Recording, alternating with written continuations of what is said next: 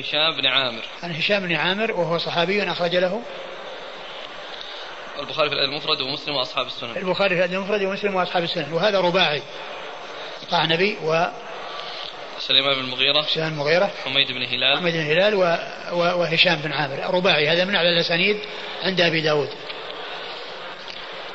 إذا دفن أكثر من واحد في القبر هل يفصل بينهم بتراب أو بشيء من اللبن؟ أو جميعا يضمون إلى والله- بعضهم البعض. والله الذي يبدو أنهم يضمون إلى بعض. يعني ما ما نعلم شيء يدل على أنهم يفصلوا بينهم. يسأل الإخوة عن مقدار التعميق. هل هناك حد معين؟ والله ما ما نعلم. فيه يعني جاء عن في آثار. يعني أنه على مقدار القامة. يعني في أقوال نقلها صاحب عون المعبود. يعني عن عمر وعن وعن غيره إيش قال فيها. ولكن الذي يبدو ويظهر الله أعلم أنه الشيء الذي يؤمن معه الوصول إليه من السباع والكلاب. وقد اختلف في حد الإعماق فقال الشافعي قامة وقال عمر بن عبد العزيز إلى السرة وقال مالك لا حد لإعماقه. وأخرج ابن أبي شيبة وابن المنذر عن عمر بن الخطاب أنه قال أعمقوا القبر إلى قدر قامة وبسطة. قاله في النيل. على كل هو ال- ال- الذي يكفي ويطمئن معه إلى عدم الوصول إليه. قال حدثنا أبو صالح يعني الأنطاكي قال أخبرنا أبو إسحاق يعني الفزاري عن الثوري عن أيوب عن حميد بن هلال بإسناده ومعناه زاد فيه وأعمقوا. وهذا هو محل الشاهد يعني من من إيراد الترجمة أعمقوا. هنا قال يحفر وهنا قال أعمقوا احفروا وأعمقوا. يعني معناه أنه يعمق يعني هنا يعني هناك في الأول قال يعني في ذكر ال- ال- السعة حتى يتسع لعدة موتى وهنا قال أعمقوا يعني معناه أنه يوسع ويعمق. نعم. يوسع من أجل العدد. وأما إذا كان إنها ما في إلا واحد ما يحتاج إلى إلى أن يوسع يعني على على مقدار الحاجة. قال حدثنا أبو صالح يعني الأنطاكي. أبو صالح محبوب محبوب بن موسى وهو صدوق خرج أبو داود النسائي. صدوق خرج أبو داود والنسائي عن ابي إسحاق الفزاري وهو وهو إبراهيم بن محمد بن الحارث وهو ثقة أخرجه أصحاب كتب الستة. عن الثوري عن الثوري مر. ذكره. أيوب. عن أيوب بن أبي تميمه السختياني ثقة أخرج له أصحاب كتب الستة. عن حميد عن حميد بن هلال بإسناده ومعناه. عن حميد بن هلال بإسناده ومعناه. نعم. قال حدثنا موسى بن إسماعيل قال حدثنا جرير قال حدثنا حميد يعني بن هلال عن سعد بن هشام بن عامر بهذا الحديث. ثم ورده من طريق أخرى. قال حدثنا موسى بن إسماعيل موسى بن إسماعيل التبوذكي ثقة أخرج له أصحاب كتب الستة. عن جرير عن جرير بن عبد الحميد مر ذكره. إني وجدته أنه بن حازم بن حازم. جرير بن حازم نعم. جرير بن حازم وهو ثقة أخرجه أصحاب كتب الستة. عن حميد عن سعد بن هشام بن عامر عن حميد مر ذكره سعد بن هشام بن عامر وهو ثقة أخرج أصحاب الكتب ثقة أخرجه أصحاب كتب الستة. في هذا الحديث يعني يروي عن أبيه ولا نعم. أبي لأن صحابي الحديث واحد هشام هشام بن عامر. قال رحمه الله تعالى باب في تسوية القبر قال حدثنا محمد بن كثير قال أخبرنا سفيان قال حدثنا حبيب بن أبي ثابت عن أبي وائل عن أبي الهياج الأسدي قال بعثني علي رضي الله عنه قال لي أبعثك على ما بعثني عليه رسول الله صلى الله عليه وآله وسلم ألا أدع قبرا مشرفا إلا سويته ولا تمثالا إلا طمسته أه والله تعالى أعلم وصلى الله وسلم وبارك على عبده ورسوله نبينا محمد وعلى آله وأصحابه أجمعين. جزاكم الله خيرا وبارك الله فيكم ونفعنا الله بما قلت.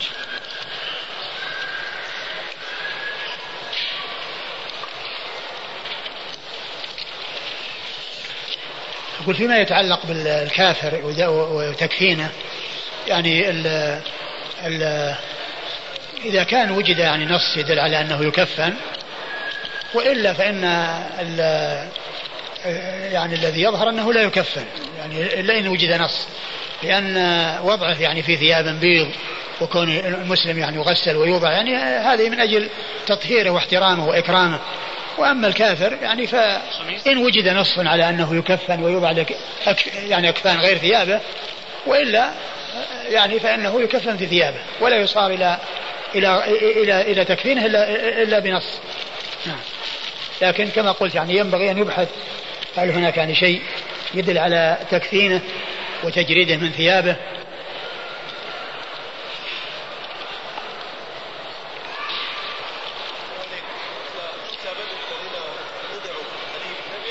نعم وضعوا في ثيابهم لا ما ما في وانما سحبوا ورموا في القليل بدون ان يعمل لهم شيء لا هذا هذا هذا يدل على ان انه يعني يعني انه انه يورى لكن هل اذا مات بين مسلمين هل انه يعني يكون آه، كذلك أو أنه آه، يعني يوضع له أكفان؟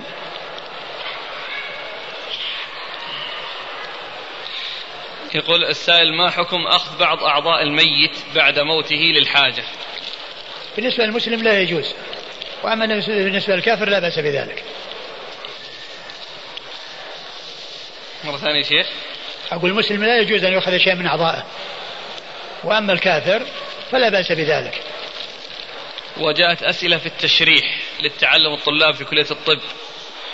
يشرحون الجثث بالنسبة للكافر يمكن أن يشرح وأما بالنسبة للمسلم لا يشرح.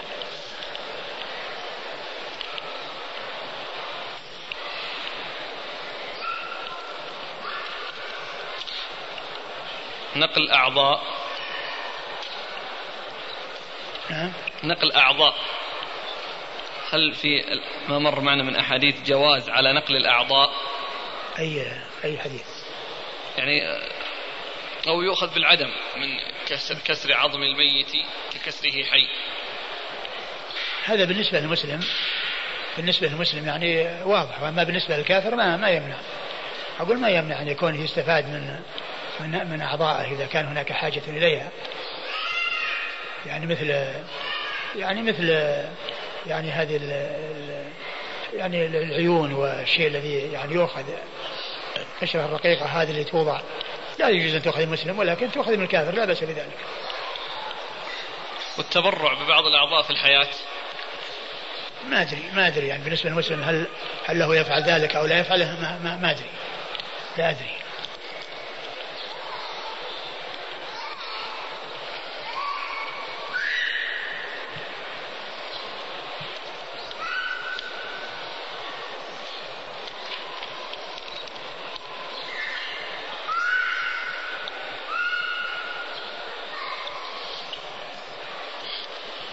يقول بالنسبة تنحية عظم الميت من القبر. أحيانا إذا نزعنا هذا العظم ينكسر ويتفتت العظم. هو العظم إذا كان يعني موجود وحمله الإنسان يعني لكن إذا كان الجسم موجود والرفات موجود يعني يتركه. وأما مجرد أنه وجد العظم العظم لا يكسره ولكنه ينحيه إلى الجهة ويدفن في مكانه. إشكاله أنه ربما إذا رفعه تفتت يعني. نعم ما يتماسك. على كل لا يضر إذا كان إذا كان تفتت من من من قبله هو ليس من الإنسان ما يؤثر.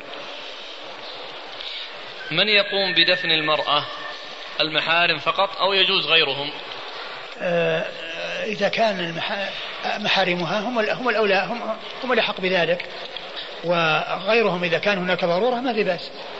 إذا كان هناك ضرورة. بأن ما وجد يعني محارمها بأن يعني مثلا لا يوجد محارمها لا يوجد أحد محارمها فلغيرها فلغيرهم أن يدخلها قبرها لأن هذه ضرورة لا بأس بذلك. هل يجوز الجمع في القبر بين الرجل مع المرأة؟ يمكن. يمكن عند الحاجة. يمكن.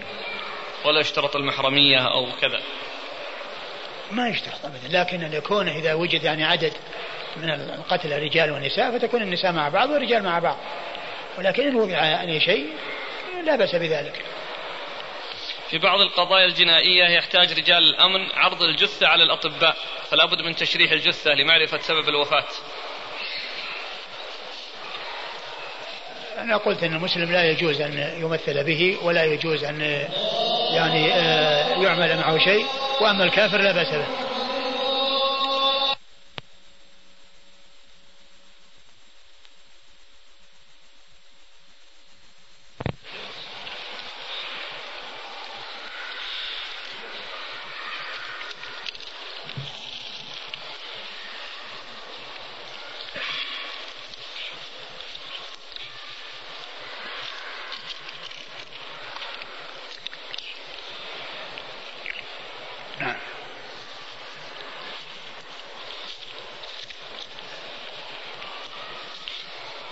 سمعت من شيخ في مسجدنا أنه إذا أقيمت صلاة الجنازة ولم يصلى عليها بعض الناس فلا يصلى عليه إذا توفي.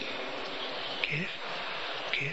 إيش؟ إذا أقيمت صلاة الجنازة ولم يصلي عليها بعض الناس فلا يصلى عليه إذا توفي. الجزاء من جنس العمل. والله هذا مو صحيح. أقول مو صحيح. الإنسان أولا الجنازة فرض كفاية. يعني فكون أحد ما صلى عليها. طبعا هو فوت على نفسه خيرا كثير. و ومعلوم أن الإنسان عليه أن يحب أن يعامل الناس بمثل ما يحب أن يعاملوه به. وهو لو كان الميت ما يحب أن يتخلف عنه أحد. فما ينبغي أن هو أن يتخلف. ولكن كونه لا يصلى عليه وتترك الصلاة عليه هذا ليس بصحيح.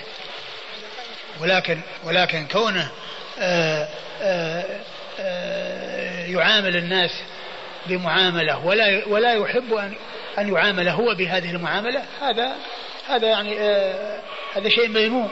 والرسول عليه الصلاة والسلام قال فمن أحب أن يزحزح عن النار ويدخل الجنة فلتأته منيته وهو يؤمن بالله واليوم الآخر وليأتي إلى الناس الذي يحب أن يؤتى إليه. وليأتي إلى الناس الذي يحب أن يؤتى إليه. حديث صحيح أخرجه مسلم في صحيحه من حديث عبد الله بن عمرو العاص ضمن حديث طويل. فقوله وليأتي إلى الناس الذي يحب أن يؤتى إليه يعني يعامل الناس بمثل ما يحب أن يعامله به. فإذا كان هو نفسه يحب أنه إذا قدم للصلاة عليه لا يتخلف أحد عن الصلاة عليه فعليه أن يقوم هو بفعل هذا الشيء الذي يحب أن يؤتى إليه. إيش؟ أبد إذا كان ما يعرف أنه كافر يصلى عليه. كل مسلم يصلى عليه.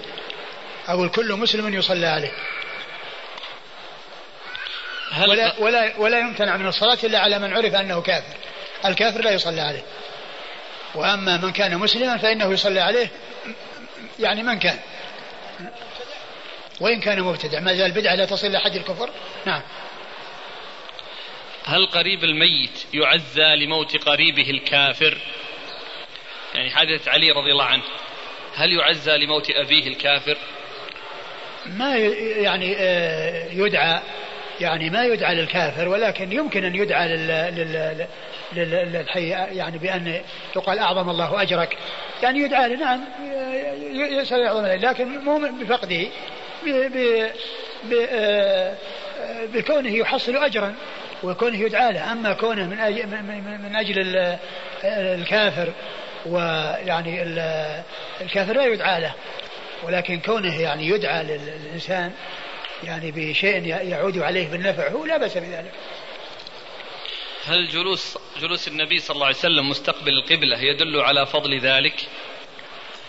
نعم يدل على هذا يدل على هذا لكن إذا كان الناس يعني محيطين يعني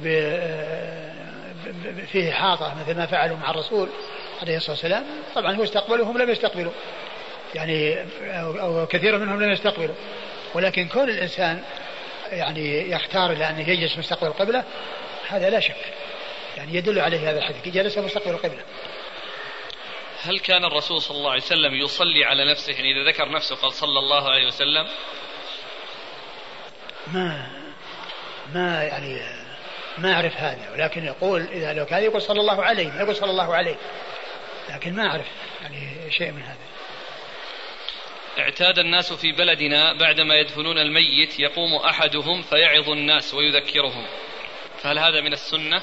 والله ما نعلم يعني ما في يعني نعلم شيء يدل عليه إلا قصة البراء بن عازب هذه. وقصة البراء بن عازب كانت يعني جلوس له حاجة وأمر يقتضيه. ما هو الناس يجون للجنازة ثم بعدين يتجمعون ويتحلقون. ويوعظون ويذكرون. وإنما جلسوا لأن القبر لم يكمل. فهم بحاجة إلى أن يجلسوا للتكميل. فالرسول صلى الله عليه وسلم ذكرهم ووعظهم. لكن ما يتخذ هذا طريقة بأن الناس في آه، عندما يذهبون للجنازة يجلسون ويعظهم واحد ويذكرهم واحد.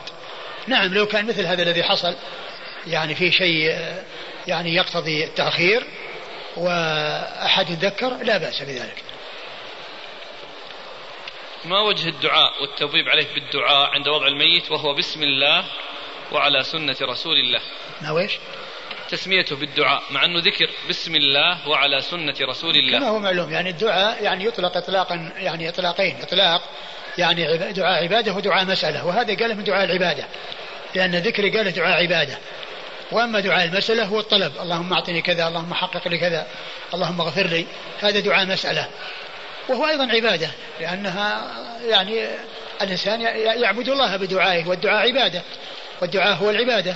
ولكن الذكر أيضا يقال له دعاء يعني ولكنه دعاء آه، يعني آه، دعاء عبادة وليس دعاء مسألة.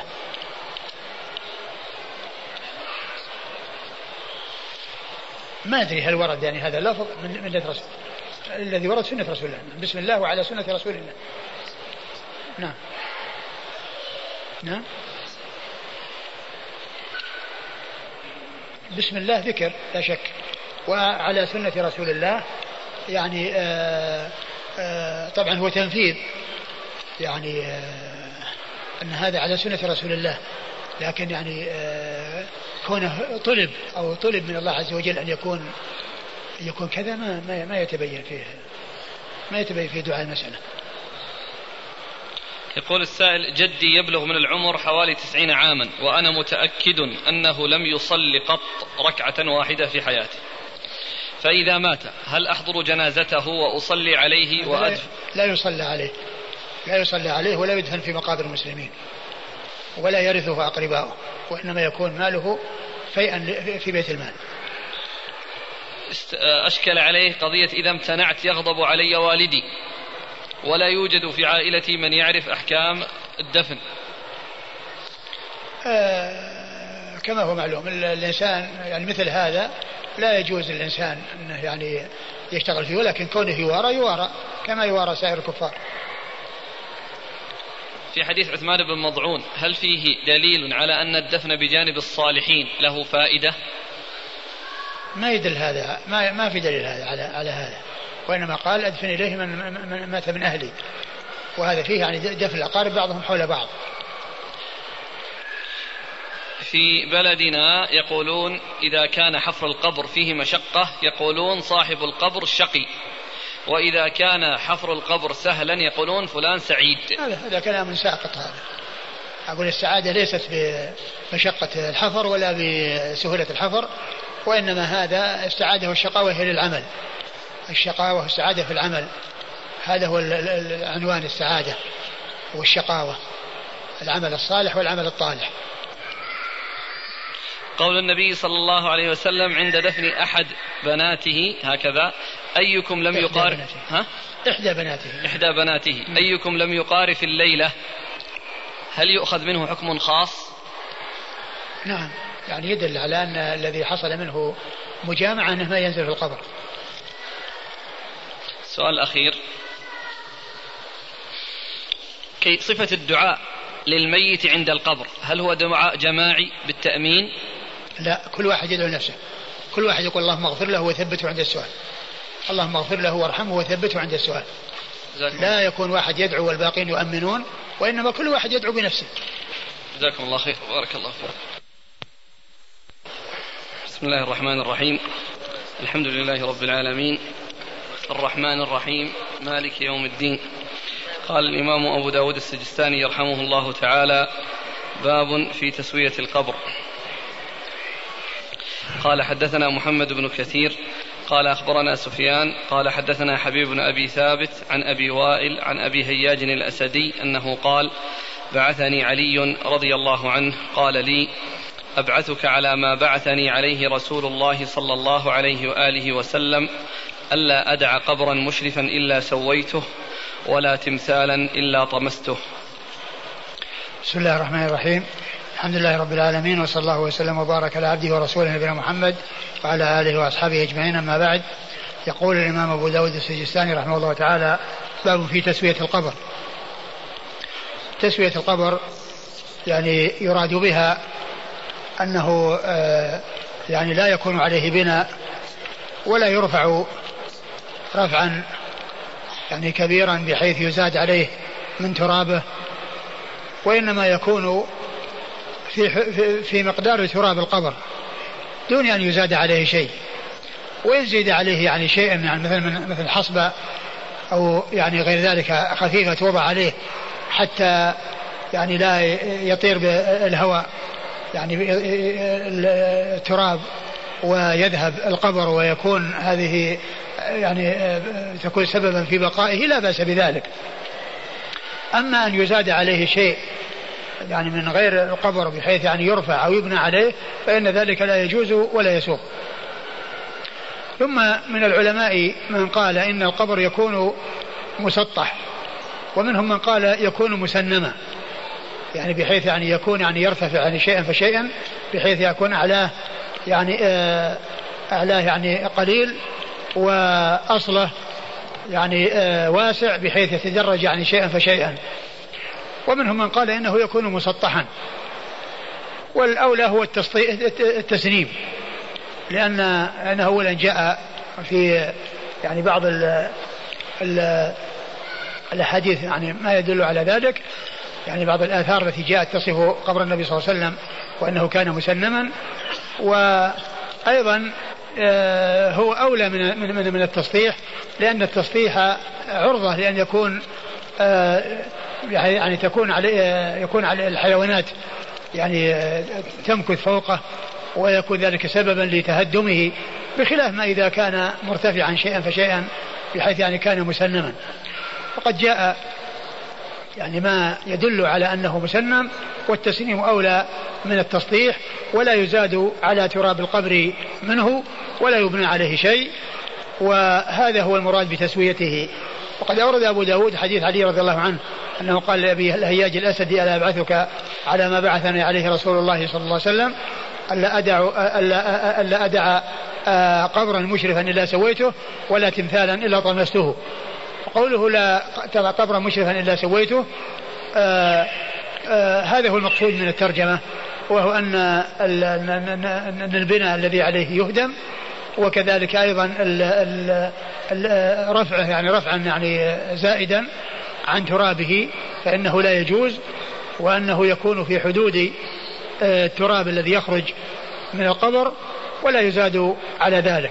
ولا تمثالا إلا طمسته يعني التي هي الصور. يعني فالمجسمة يعني آه تكسر والصور التي آه يعني هي غير مجسمة فإنها تطمس. إلا إذا كان شيء يمتهن يعني بأن يكون في فراش أو يكون في يعني هذا فإنه لا بأس بذلك لكن الإنسان لا يشتريها لا يشتري شيئا فيه صور ولكنه إذا ابتلي به وصل إليه من طريق يعني ما كان يعني سعى فيها فإنه يمتهنه ويستعمله على وجه الامتهان. نعم. قال حدثنا محمد بن كثير. محمد بن كثير العبدي ثقة. أخرج له أصحاب كتب الستة. عن سفيان. عن سفيان وهو الثوري سفيان بن سعيد المسروق الثوري. ثقة أخرج له أصحاب كتب الستة. عن حبيب بن أبي ثابت. عن حبيب بن أبي ثابت وهو ثقة أخرجه أصحاب كتب الستة. عن أبي وائل. عن أبي وائل وهو شقيق بن سلمة. آه، مخضرم ثقة مخضرم أخرج له أصحاب الكتب الستة. عن أبي هياج الأسدي. عن أبي الهياج الأسدي وهو وهو حيان بن حصين. وهو حيان بن حصين. حيان بن حصين وهو ثقة أخرج له. مسلم وأبو داود والنسائي. مسلم وأبو داود والنسائي.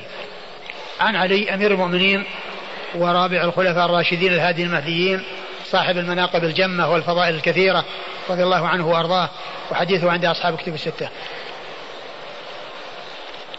قال حدثنا أحمد بن عمرو بن السرح قال حدثنا ابن وهب قال حدثني عمرو بن الحارث أن أبا علي الهمداني حدثه قال كنا مع فضالة بن عبيد رضي الله عنه برودس من أرض الروم فتوفي صاحب لنا فأمر فضالة بقبره فسوي.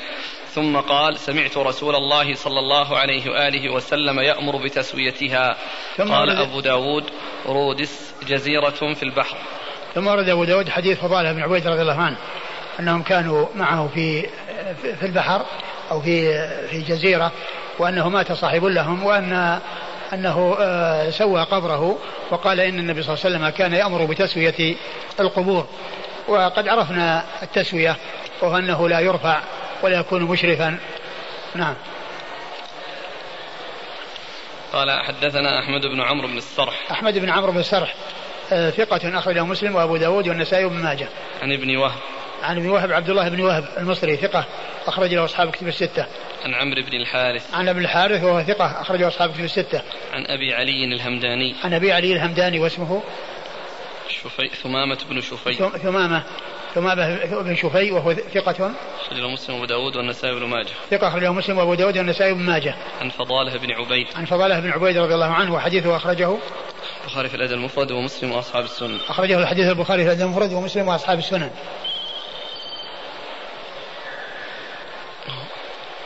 لا يخالف تسوية. تسوية. أقول يعني كلمة التسوية.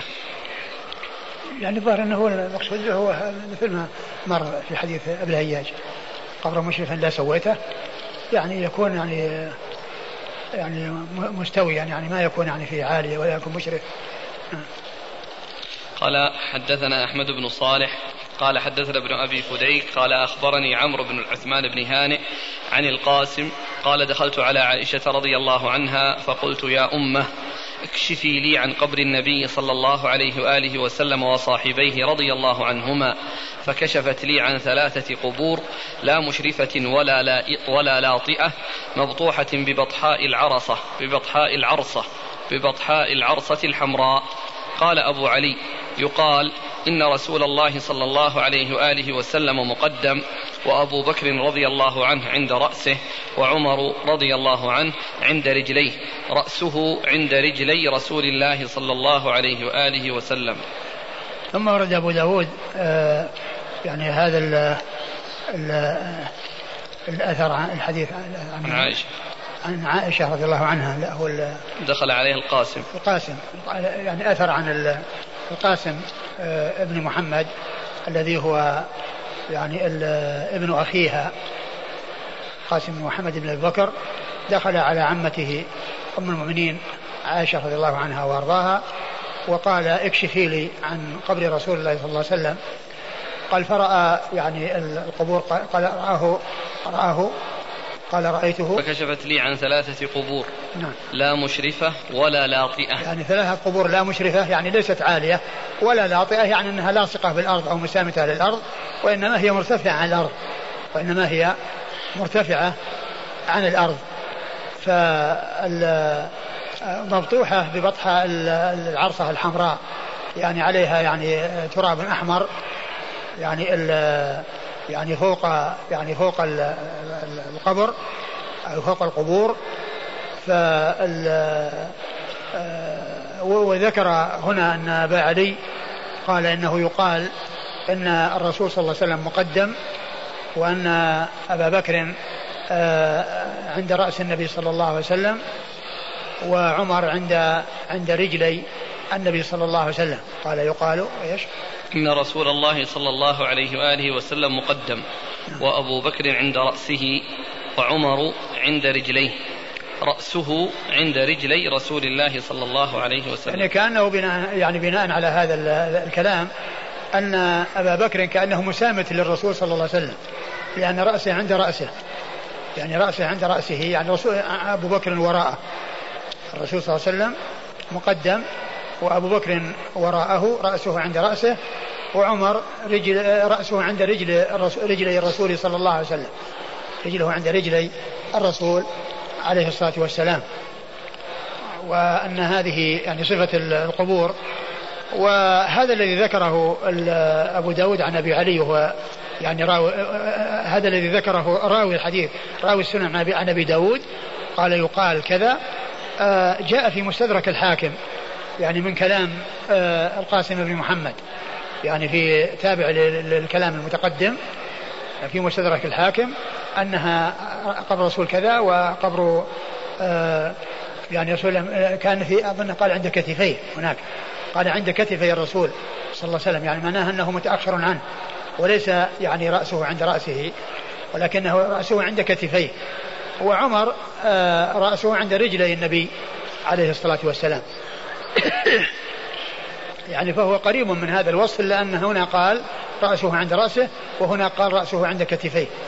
رأسه عند كتفي كتفي النبي يعني معناه أن رأسه يعني أنه, أنه ليس مسامتا له وإنما هو آه نازل عنه عليه الصلاة والسلام عن, عن النبي عليه الصلاة والسلام بحيث يكون رأسه مسامتا لكتفيه مسامتا لكتفي الرسول صلى الله عليه وسلم يعني وراءه. والرسول صلى الله عليه وسلم مقدم. وعمر عند رجلي النبي عليه الصلاة والسلام. والحديث وهذا الأثر في إسناده رجل مستور مجهول مجهول الحال وهو غير ثابت. نعم. اللي في المستدرك عن من؟ نعم. ذكرتم في المستدرك. نفس الإسناد. عن القاسم هو الذي قال هذا الكلام القاسم نعم وفيه عمرو بن عثمان هذا. عمرو بن عثمان بن هانئ قال حدثنا أحمد بن صالح. أحمد بن صالح المصري ثقة أخرج حديثه البخاري وأبو داود والترمذي في الشمائل. عن ابن أبي فديك. عن ابن أبي فديك وهو محمد بن مسلم محمد بن إسماعيل بن مسلم وهو صدوق أخرجه أصحاب كتب الستة. عن عمرو بن عثمان بن هانئ عن عمرو بن عثمان بن هانئ وهو مستور المجهول الحال أخرج له. أبو داود بن ماجه. أبو داود بن ماجه. عن القاسم. عن القاسم بن محمد بن أبي بكر الصديق وهو ثقة فقيه. أحد فقهاء المدينة السبعة في عصر التابعين أخرج له أصحاب كتب الستة. عن عائشة. يعني عائشة ما ما لها رواية هنا وإنما هو كلام القاسم. عما شاهده يصف ما شاهده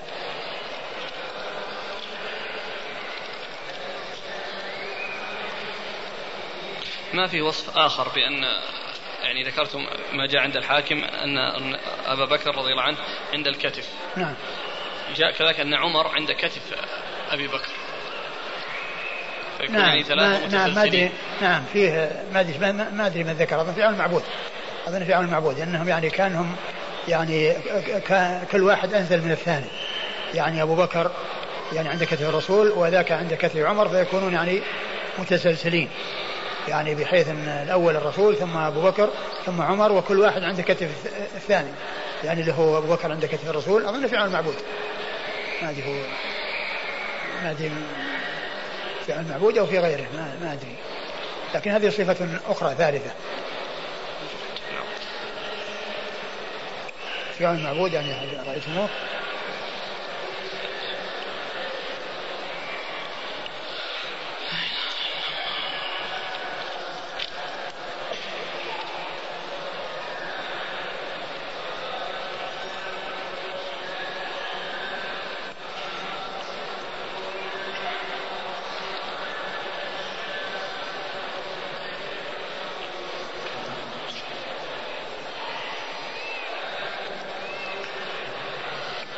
هذا يعني يقول نعم عند أبي بكر الآجري في كتاب في كتاب صفة قبر النبي صلى الله عليه وسلم قال رأيت قبره صلى الله عليه وسلم في إمارة عمر بن عبد العزيز فرأيته مرتفعا نحو من أربع أصابع. من يقول هذا؟ يروي عن من أبو بكر الآجري؟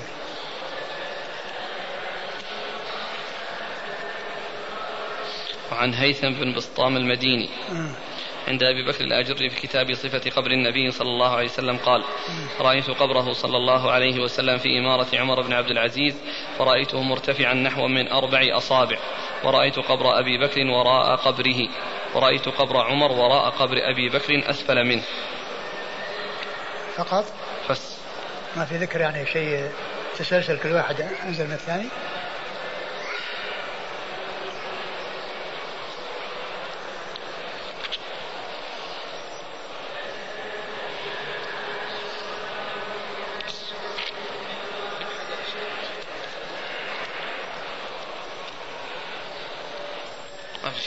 شيء؟ أقول ما أدري عن الحقيقة ما هي. الله تعالى أعلم.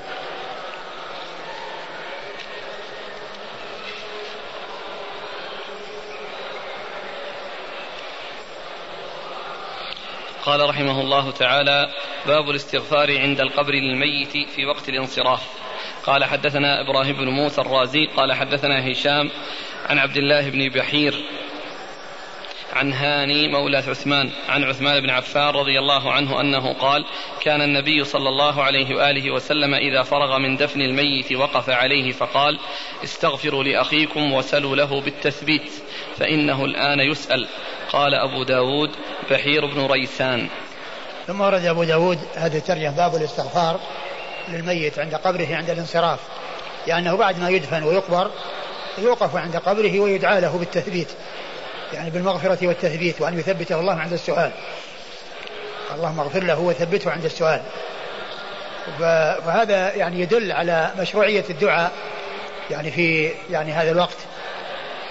وفيه دليل على آه، آه، أنه أنه يحيى وأنه يحيا في قبره وأنه هناك حياة برزخية. ويدل على أن هناك سؤال في القبر وأنه يسأل يعني بعد دفنه. لأنه قال فإنه الآن يسأل. ولهذا يطلب يطلب له التثبيت عند السؤال. يعني يثبته بالقول الثابت في الحياة الدنيا وفي الآخرة. يعني ب يعني قال اللهم ثبته. اللهم اغفر له اللهم ثبته عند السؤال. فأورد أبو داود حديث عمر رضي الله عنه. أن النبي صلى الله عليه وسلم كان إذا إذا إذا كان إذا إذا فرغ من دفن الميت وقف عليه. إذا فرغ من دفن الميت وقف عليه وقال استغفروا لأخيكم فإنه الآن وسأل له التثبيت فإنه الآن يسأل. فإنه الآن يسأل. فكان يعني آه، آه، آه، يدعو ويأمر بالدعاء ويرشد إلى الدعاء. والمقصود من ذلك أن كل واحد يدعو بنفسه. لا أن يكون هناك واحد يدعو والباقين يؤمنون. لأن النبي صلى الله عليه وسلم ما قال أني سأدعو وأمنوا وما يعني ولا قال لهم ادعوا ما ما قال لهم أمنوا وإنما قال ادعوا لأخيكم. ومعنى هذا أن كل واحد يدعو. كل واحد يدعو من قبل نفسه. لا أن يكون واحد يؤمن يدعو والباقون يؤمنون. لأن لو كان الأمر كذلك ما قال ادعوا وإنما قال أمنوا. أو قال أنني سأدعو وأنتم أمنوا. نعم. قال حدثنا إبراهيم بن موسى الرازي. وفيه يعني تنبيه. يعني على يعني يعني للناس بأن يعني يطلب منهم الدعاء لأن قد يكون بعضهم يعني غافل وبعضهم يعني ساهي وبعضهم كذا فإذا ذكر يتذكر وإذا نبه يتنبه. نعم. قال حدثنا إبراهيم بن موسى الرازي. إبراهيم موسى الرازي ثقة أخرجه أصحاب كتب الستة. عن هشام. عن هشام بن يوسف الصنعاني وهو ثقة أخرج البخاري وأصحاب السنن. ثقة أخرجه البخاري وأصحاب السنن. عن عبد الله بن بحير. عن عبد الله بن بحير وهو قال وثقه ابن معين أخرجه أبو داود والترمذي وابن ماجه. وثقه ابن معين أخرجه البخاري أخرجه أبو داود أبو داود والترمذي وابن ماجه. عن هاني مولى عثمان. عن هاني مولى عثمان وهو صدوق أخرجه أبو داود والترمذي وابن ماجه. صدوق أخرجه أبو داود والترمذي وابن ماجه. عن عثمان بن عفان. عن عثمان بن عفان أمير المؤمنين وثلاث الخلفاء الراشدين الهادين المهديين صاحب المناقب الجمة والفضائل الكثيرة رضي الله عنه وأرضاه وحديثه عند أصحاب الكتب الستة. قال أبو داود بحير بن ريسان قال أبو داود بحير بن ريسان يعني ذكر جده يعني ذكر اسم جده وأنه ريسان لأنه لأنه في الإسناد قال إيش هو اسمه؟ عبد الله بن بحير. عبد الله بن بحير. أبو داود قال هو ابن ريسان يعني جده جده بحير بن ريسان فذكر إضافة اسم الجد. لأنه جاء في الإسناد عبد الله بن بحير فقط. فأبو داود ذكر بعدما فرغ من الحديث آه، تسمية جده.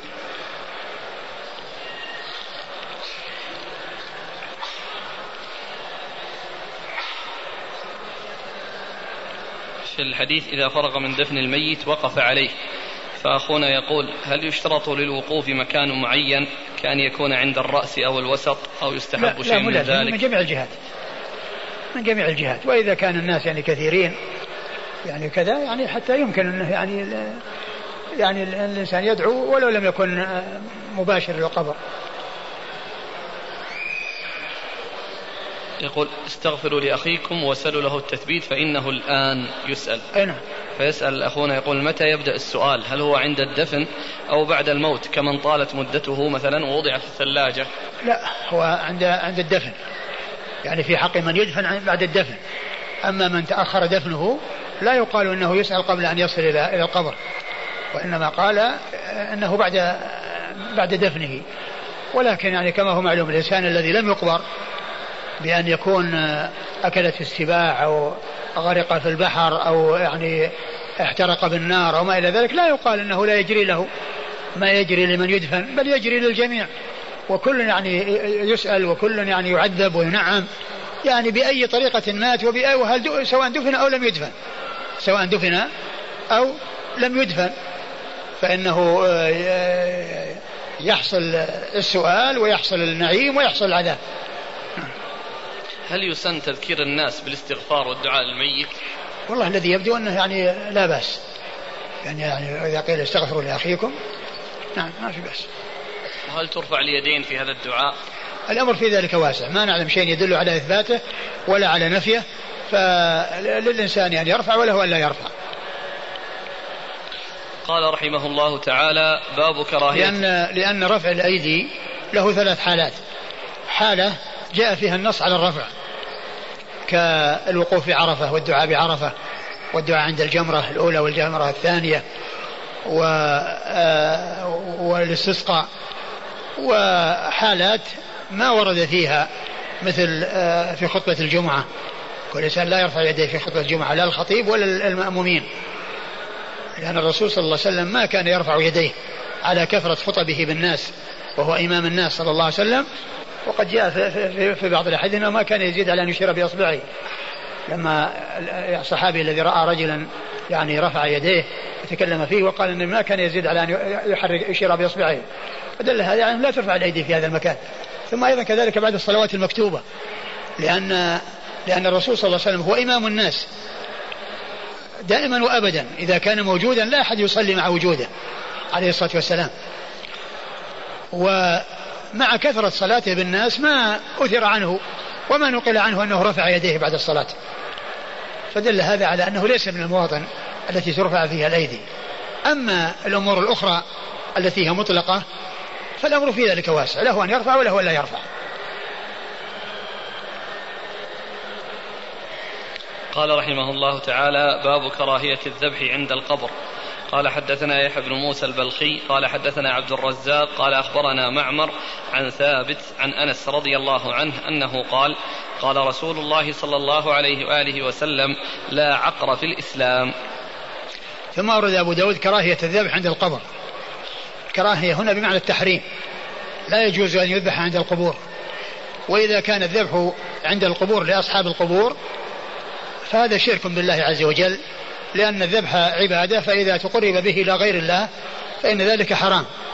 وأما إذا كان يعني ليس الذبح يعني لأصحاب الأموات وإنما يعني آه، آه، أريد به يعني الذبح لله عز وجل فهو لا يجوز هو محرم ولا يسوق ولكنه لا يقال للشرك إذا كان الذبح لله وليس لأصحاب الأموات ولكنه ذريعة إلى الشرك. وسيلة إلى الشرك لأن من يذبح يعني في المكان وإن كان يريد أنه لله فإنه آه، يؤول به الأمر لأن يكون لغير الله بأن يعني يقصد الميت وأن يذبح الميت فالحاصل أنه لا يجوز الذبح عند القبور مطلقا. وإن كان أريد تقرب به إلى الميت وأنه المقصود آه، آه، أنه ذبح له فهذا شرك بالله عز وجل. وأما إذا لم يكن كذلك فإن هذا من البدع المحرمة التي لا تسوق ولا تجوز. وقد أورد أبو داود حديث أنس. أنس رضي الله عنه قال عليه الصلاة والسلام قال لا عقر في الإسلام. وكانوا يعني في الجاهلية يعملون ال ال ال يذبحون ال يعني المواشي يعني عند القبر للشخص إذا كان إذا كان كريما إذا كان كريما.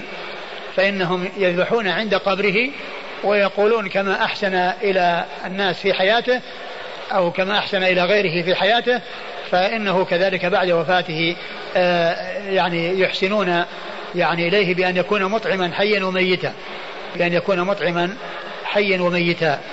وقد جاء في الحديث أنه قال لا عقر في الإسلام أي هذا الذي كان يعمله الجاهلية أنه لا يسوق ولا يجوز. نعم. قال في آخره قال عبد الرزاق كانوا يعقرون عند القبر بقرة أو شاة. نعم بقرة أو شاة. يعني هذا مثال. نعم. قال حدثنا يحيى بن موسى البلخي. يحيى بن موسى البلخي هو؟ ثقة أخرجه البخاري وأبو داود والترمذي وابن ماجه. ثقة أخرجه البخاري وأبو داود والترمذي وابن ماجه. والترمذي والنسائي. آه، البخاري وأبو داود. البخاري وأبو داود والترمذي والنسائي. عن عبد الرزاق. هذا مثل مثل مسدد. نعم. البخاري وابو داود والترمذي والنسائي. عن عبد الرزاق بن همام الصنعاني اليماني. ثقة أخرجه أصحاب كتب الستة. عن معمر. عن معمر بن راشد الأزدي البصري ثم اليماني. وهو ثقة أخرج له أصحاب كتب الستة. عن ثابت.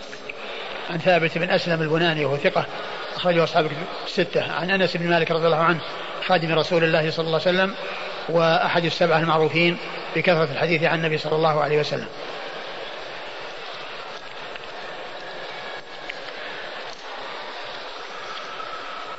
قال يرحمه الله تعالى باب الميت يصلى على قبره بعد حين قال حدثنا قتيبة بن سعيد قال حدثنا الليث عن يزيد بن أبي حبيب عن أبي الخير عن عقبة بن عامر رضي الله عنه أن رسول الله صلى الله عليه وآله وسلم خرج يوما فصلى على أهل أحد صلاته على الميت ثم انصرف. ثم أورد أبو ذباب الميت يصلى على قبره بعد حين. يعني هذه الترجمة يعني تدل على المقصود بها أن الميت يصلى على قبره بعد مدة ولو كانت طويلة. ولهذا بعض أهل العلم قال إنه يصلى على الميت ولو ما مضى عليه مدة طويلة. وبعض أهل العلم قال إنه لا يصلى عليه إلا إذا كان حديث العهد بالدفن وأن يكون قريبا ويكون ذلك في حق من فاتته الصلاة ومن لم يصلي عليه. والحديث يعني لا يدل على أن الإنسان يصلى عليه بعد مدة طويلة لأن هذا كما جاء في بعض الروايات آه، يعني أن هذا خاص بالنبي صلى الله عليه وسلم لأنه قال كالمودع إلى الأحياء والأموات لأنه فعل ذلك يعني توديع للأحياء والأموات في آخر أمره عليه الصلاة والسلام. فلا يستدل به على أنه يصلى على أصحاب القبور آه، بعد مدة طويلة. وإنما يدعى لهم في كل وقت وحين. والصلاة عليهم إنما تكون عند الموت عند قبل الدفن يعني في المصلى أو المكان آه، أو المسجد. ومن فاتته الصلاة تصلي عليه عند على القبر كما سبق أن مر بنا أنه مر بقبر رطب يعني حديث عهد بالدفن وصفه وراءه وصلى وصلى عليه كبر عليه أربعا. وكذلك الرجل أو المرأة الذي كان يقوم المسجد وكانوا وكان دفن في الليل وقال ألا آذنتموني؟ ثم قال دلوا دلوني على قبره فذهب وصلى عليه صلى الله عليه وسلم.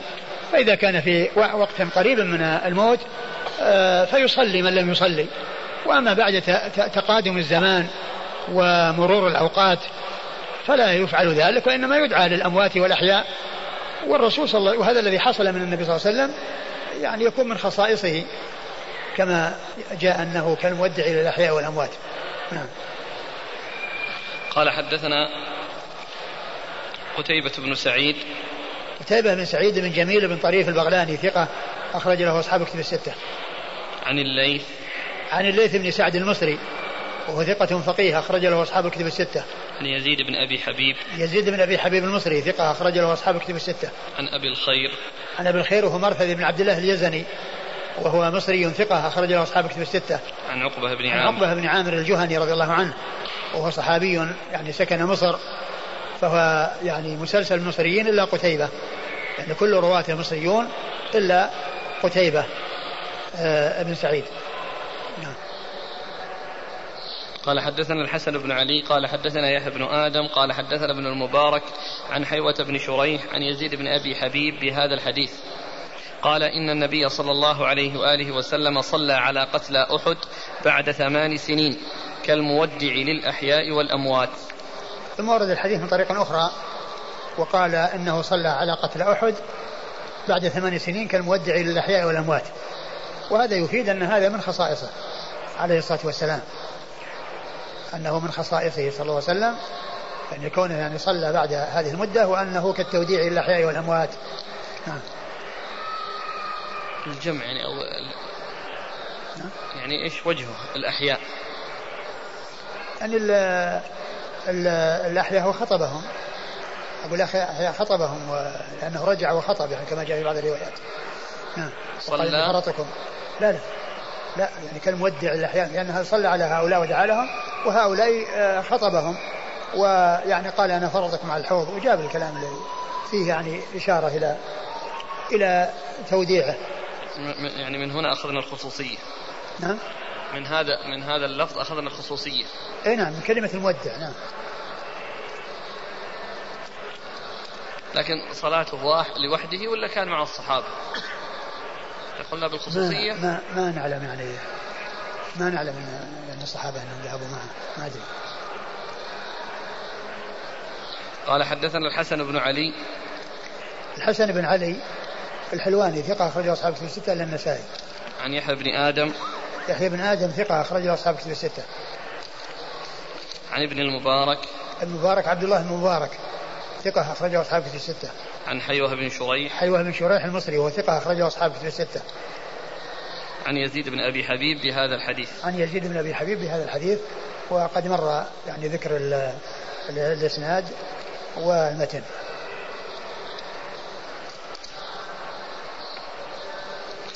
قال رحمه الله تعالى باب في البناء على القبر.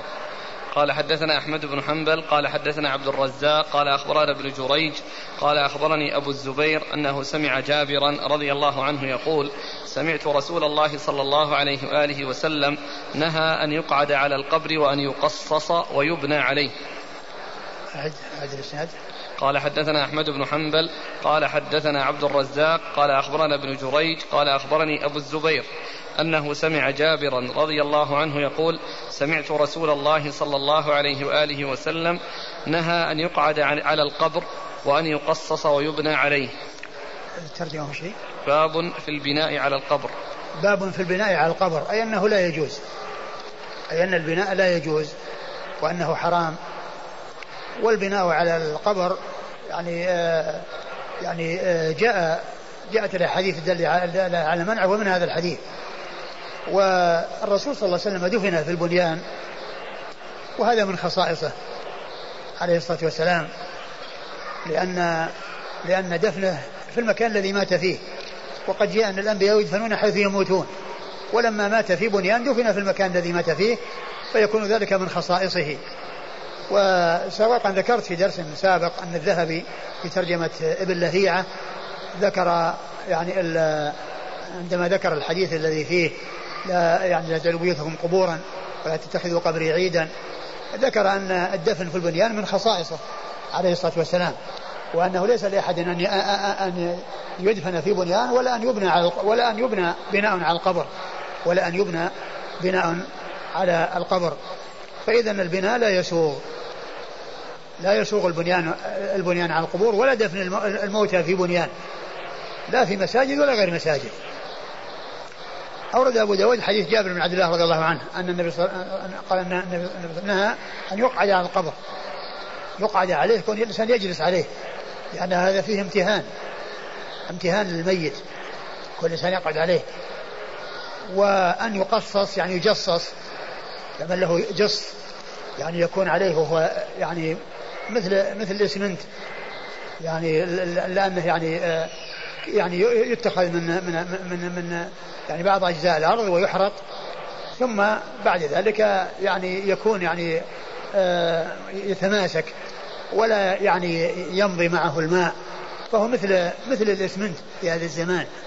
فلا يجصص ولا يسمت وإنما يوضع عليه عليه ترابه. وإن وضع عليه يعني شيء يعني حصبة أو ما إلى ذلك فوق التراب بحيث أنها آه، آه، تمنع من تطاير التراب يعني في الهواء ويبقى يعني غير معروف القبر لا بأس بذلك. وأما التجسيس والبنيان وكذلك الإسمنت الذي هو بمعنى التجسيس فالرسول صلى الله عليه وسلم قال لا يجصص ولا ولا يبنى عليه. يعني القعود لأن فيه امتهان والتجسيس والبنيان لأن فيها تعظيم. يعني يكون فيها تعظيم ويكون فيه غلو. وقد نهي عن الإفراط والتفريط عن الغلو والجفاء. كل من الغلو والجفاء يعني ممنوعان. فلا يمتهن في الأموات بحيث يداس عليهم ويجلس عليهم على قبورهم ولا يعني يحصل آه، غلو بأن يكون هناك بنيان وتعظيم يترتب عليه محاذير ويترتب عليه مفاسد.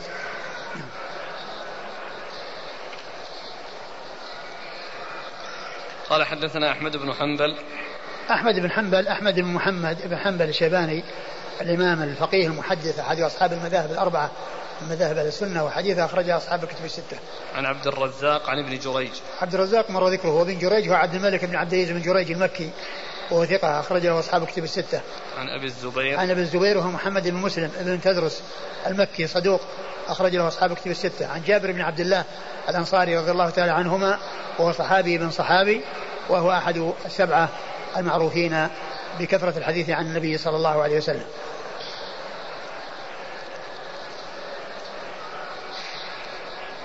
لا زال سؤال سبق أن عرض في وقته والآن يعود يتكرر إذا كان دفن النبي صلى الله عليه وسلم في بيته من خصائصه فكيف بأبي بكر وعمر؟ أبو بكر وعمر جاءوا تبعا. جاءوا تبعا له لأن الدفن موجود في القبر في البنيان وقد جاءوا تبعا له. لأن الدفن قد وجد فجاءوا تبعا له. لا أنهم يعني آه، دفنوا آه، استقلالا وإنما دفنوا تبعا. فالدفن من خصائصه وقد حصل له وأضيف إليه أبو بكر وعمر. ولا يكون ذلك لغير لغيرهم. قال حدثنا مسدد وعثمان بن أبي شيبة قال حدثنا حفص بن غياث عن ابن جريج عن سليمان بن موسى وعن أبي الزبير عن جابر رضي الله عنه بهذا الحديث. قال أبو داود قال عثمان أو يزاد عليه وزاد سليمان بن موسى أو أن يكتب عليه. ولم يذكر مسدد في حديثه أو يزاد عليه. قال أبو داود خفي علي من حديث مسدد حرف وأن. ثم أورد أبو داود الحديث حديث جابر نفسه جابر نعم. من طريقة أخرى. قال وأن يزاد عليه. يعني يزاد عليه تراب من غير من غيره. يعني فيكون بذلك رفع له وكونه يرفع بأن يجلب له تراب يعلو به. فهو لا يجوز يعني لا في بنيان ولا تراب يعلو به ويكون مشرفا. وقد مر حديث علي لا تدع قبرا مشرفا إلا سويته. يعني لا, لا, لا يجوز أن يجعل عاليا. وأما إذا كان التراب القبر هو نفسه ما زيد عليه شيء هذا ما في بس لا مانع منه ولهذا قال أن يزاد عليه. يعني ما يزاد عليه شيء من تراب غير ترابه. نعم. أو أن يكتب عليه. أو أن يكتب عليه كذلك الكتابة لا يكتب عليه. يعني لا اسمه ولا غير اسمه. يعني لا يكتب عليه مطلقا. قال حدثنا مسدد وعثمان بن أبي شيبة. مسدد بن مسرهد البصري ثقة أخرج حديث البخاري وأبو داود والترمذي والنسائي. وعثمان بن أبي شيبة ثقة أخرجه أصحاب كتب الستة إلا الترمذي وإلا النسائي فقد أخرج له في عمل اليوم والليلة عن حفص بن غياث. عن حفص بن غياث وهو ثقة أخرجه أصحاب كتب الستة. عن ابن جريج عن سليمان بن موسى. عن ابن جريج مر ذكره سليمان بن موسى الأشتق وهو صدوق في حديثه بعض لين صدوق في حديثه بعض لين أخرجه مسلم في المقدمة وأصحاب السنن مسلم في المقدمة وأصحاب السنن وعن أبي الزبير عن جابر نعم وقد مر ذكرهما العطف على إيش؟ إيش الإسناد؟ قال حدثنا مسدد وعثمان بن أبي شيبة قال حدثنا حفص بن غياث عن ابن جريج عن سليمان بن موسى وعن أبي الزبير عن جابر بهذا الحديث. عن سليمان بن موسى؟ إيه؟ وعن أبي الزبير. هذا الذي هو اللي هو من هو اللي دون موسى؟ ابن جريج. ابن جريج يعني يروي عن سليمان بن موسى وعن أبي الزبير.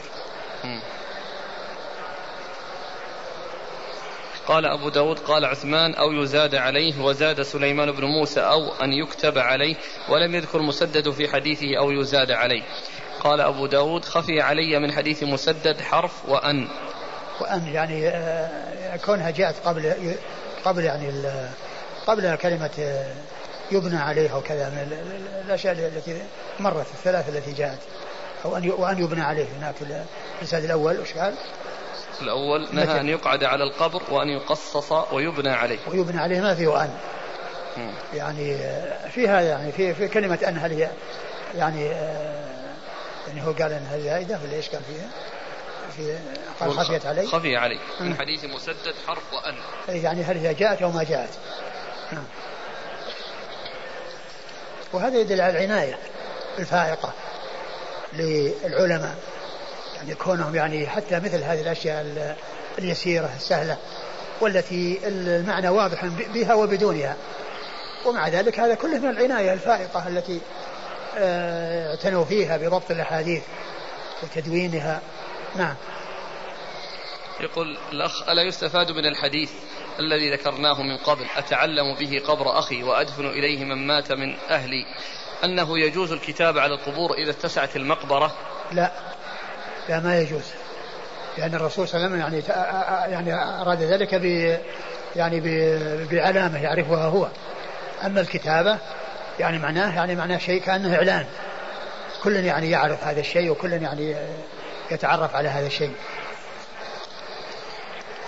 قال حدثنا القعنبي عن مالك عن ابن شهاب عن سعيد بن المسيب عن أبي هريرة رضي الله عنه أن رسول الله صلى الله عليه وآله وسلم قال: قاتل الله اليهود اتخذوا قبور أنبيائهم مساجد. ثم ورد أبو داود حديث أبي هريرة ويتعلق بالبناء على القبور وسواء كان مسجدا أو غير مسجد.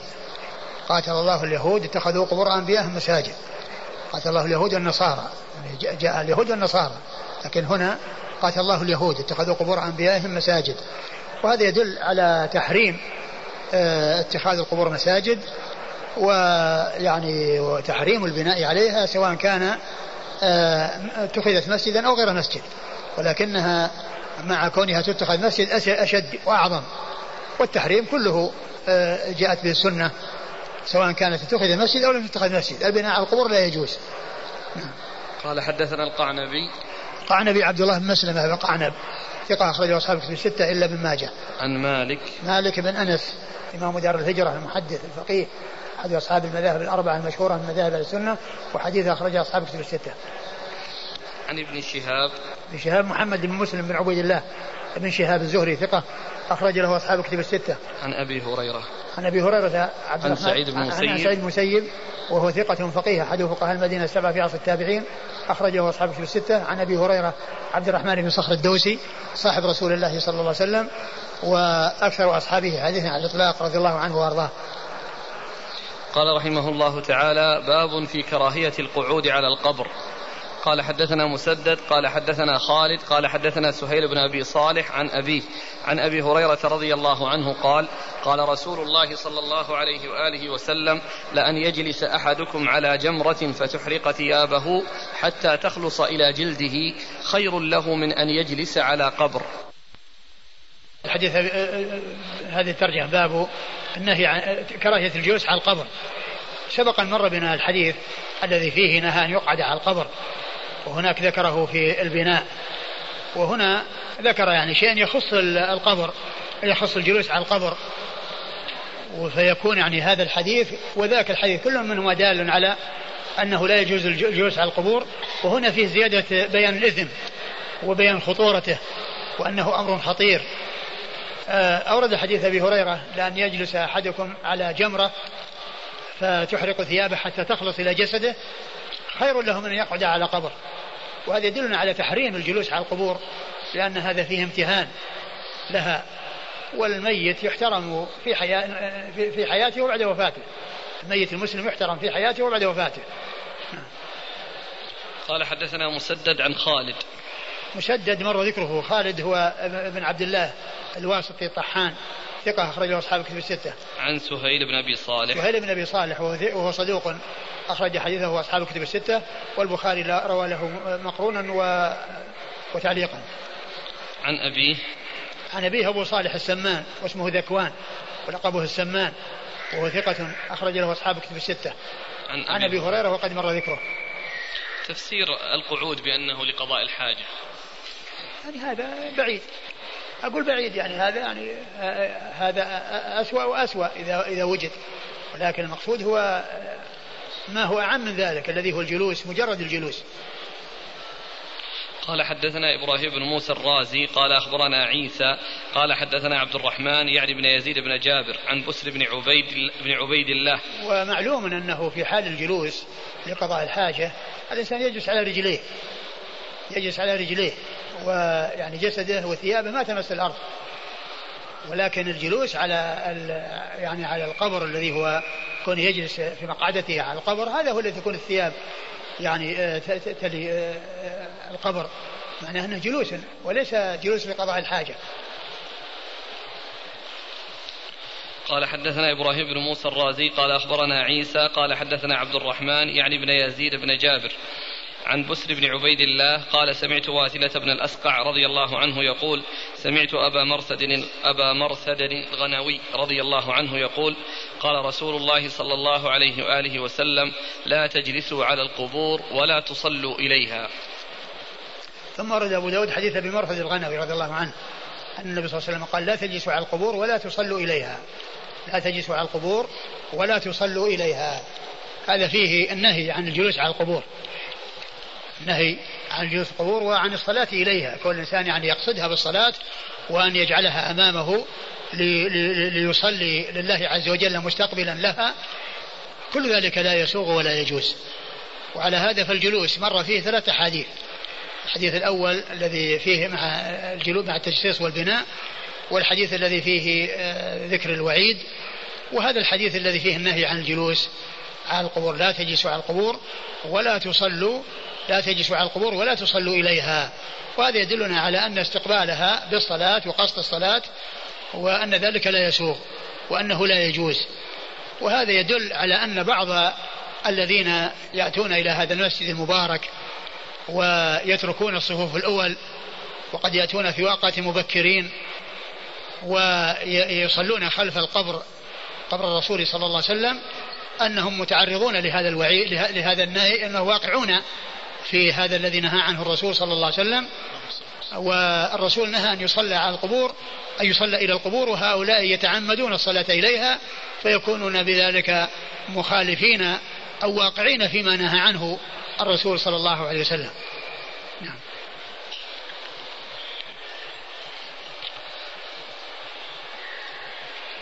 لو كان بين القبر وبين المصلي حاجز جدار. ولو كان. ولو كان ما دام إنه المقصود إنه يتعمد إنه يصلي وراء القبر ولو كان وراء حاجز لأنه مثلا الآن الصفوف خاصة في العيدين قد تمتد إلى جهة البقيع. الإنسان يعني لا يتعمد الصلاة على وراء القبر ويتخير المكان الذي هو يعني مثل ما يفعل بعض الناس. الآن الذي يفعلون هذا يأتون والمسجد خالي ويتعمدون إلى أن يأتوا إلى هذا المكان الذي يستقون في القبر. هذا واقعين. أما إنسان ما درى أو ما علم يعني هذا معذور. لا يعلم. في العيد يعلم أن البقيع قدام. إذا امتد الصف لا لا لا, لا هناك يعني إذا امتد يعني العيدين الإنسان ما تعمد. ما دام أنه ما تعمد هو معذور.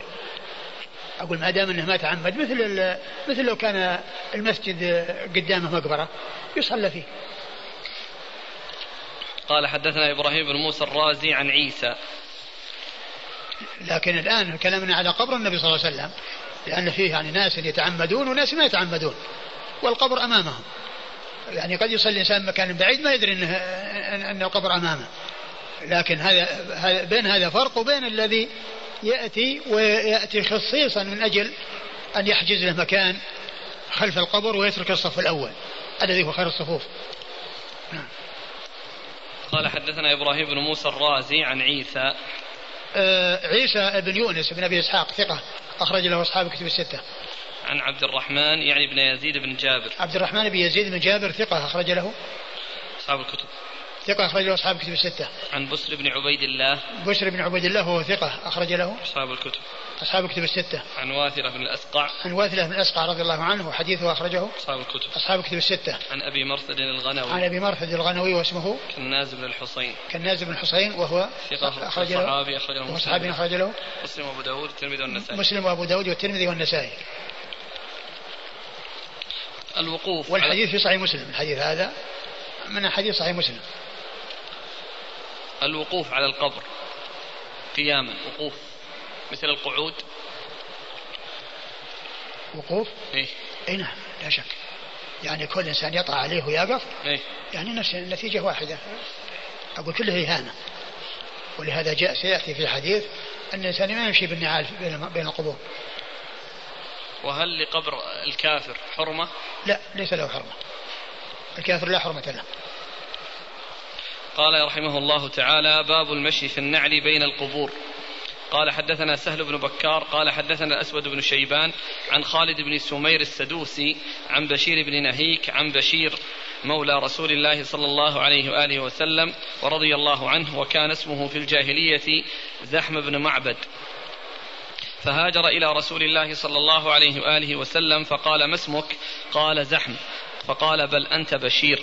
قال بينما بينما أنا أماشي رسول الله صلى الله عليه وآله وسلم مر بقبور المشركين فقال لقد سبق هؤلاء خيرا كثيرا ثلاثا ثم مر بقبور المسلمين فقال لقد أدرك هؤلاء خيرا كثيرا. وحانت من رسول الله صلى الله عليه وآله وسلم نظرة نظرة فإذا رجل يمشي في القبور عليه نعلان فقال يا صاحب السبتيتين ويحك ألق سبتيتيك. فنظر الرجل فلما عرف رسول الله صلى الله عليه وآله وسلم خلعهما فرمى بهما. ثم أورد أبو داود باب باب في في في كراهية. باب المشي في النهي باب المشي في النعل بين القبور. باب في المشي بين في النعل بين القبور. يعني أن ذلك لا يجوز. إلا إذا كان آه، القبور آه، فيه حرارة شديدة في الرمضاء أو كان فيه يعني شوك يعني يتأذى به الإنسان فإنه يمشي بالنعل. ولكن يعني آه، يكون بين القبور يعني يحرص على أنه لا يطع على قبر. والنهي جاء يعني حتى بين القبور. يعني كما أورده أبو داود يعني في حديث بشير بن الخصاصية رضي الله عنه آه، يعني يدل على أن المشي في المقبرة لا يجوز يعني بالنعال ولكن إذا كان هناك أمر يقتضيه بأن يكون الشمس حارة وفيه رمضة أو يكون فيه شوك أو يكون يعني فيه يعني شيء يؤذي فيمكن الإنسان يعني يستعمل لأن ارتكاب خف الضررين يعني في سبيل التخلص من أشدهما سائغ لأن هذا ضرر وهذا ضرر. ولكنه يعني لا يطع على قبر. الذي فيه الامتهان واضح. الذي يكون فيه الامتهان واضح. أورد أبو داود حديث بشير.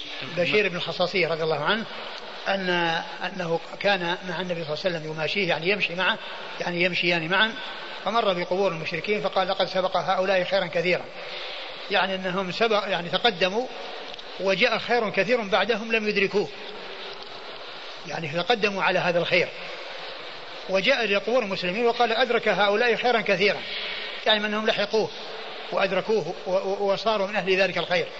وأما أولئك لم آه لم يبقوا إلى ذلك الخير الذي جاء به الرسول الكريم صلى الله عليه وسلم وهو الإسلام والدخول فيه. يعني فماتوا على الشرك وماتوا على الكفر ففاتهم ذلك الخير. وسبقوا آه، آه، أي يعني مضوا قبل أن يأتي ذلك الخير. ثم حانت منه التفاتة يعني التفت فرأى رجلا يمشي بسبتية نعلان نعلان سبتيتان. ونعلان السبتيتان هما التي من الجلد وقد دبغتا قد دبغتا بالقرض. فقال يا صاحب السبتيتين ألقهما. وليس معنى ذلك أنه خاص بالسبتيتين بل جميع النعال. وإنما هذا نص على السبتين لأنها آه، يعني نعلاه. ولعله قال السبتيتين يعني حتى يعني تنبه إلى إلى ما إلى النعل الذي كان عليه. فيكون يعني يعرف أنه أنه المقصود. فقال يا صاحب السبتيتين ألقهما يعني, يعني لا تمشي بهما فألقاهما. يعني بادر إلى الامتثال لما رآه الرسول صلى الله عليه وسلم بادر إلى الامتثال. وهذا يدلنا على ما كان عليه أصحاب رسول الله صلى الله عليه وسلم من المبادرة. إلى امتثال ما جاء عن رسول الكريم صلوات الله وسلامه وبركاته عليه والحكم عام لجميع النعال وليس مقصورا بالسبتيتين يعني بعض الناس قالوا أن هذا خاص بالسبتيتين لأن فيهما ترف وفيهما يعني فخر وفيهما يعني معناه كان لهما يعني آه يعني يستعملهما يعني أهل الترف. هذا ليس بصحيح. بل المقصود من ذلك النعال مطلقة قال حدثنا سهل بن بكار سهل بن بكار ثقة ربما وهم أخرجه البخاري وأبو داود والنسائي. ثقة ربما وهم أخرجه البخاري وأبو داود والنسائي. عن الأسود بن شيبان. عن الأسود بن شيبان وهو ثقة أخرجه البخاري في الأدب المفرد ومسلم وأبو داود والنسائي وابن ماجه. ثقة أخرجه البخاري في الأدب المفرد وأبو داود والنسائي.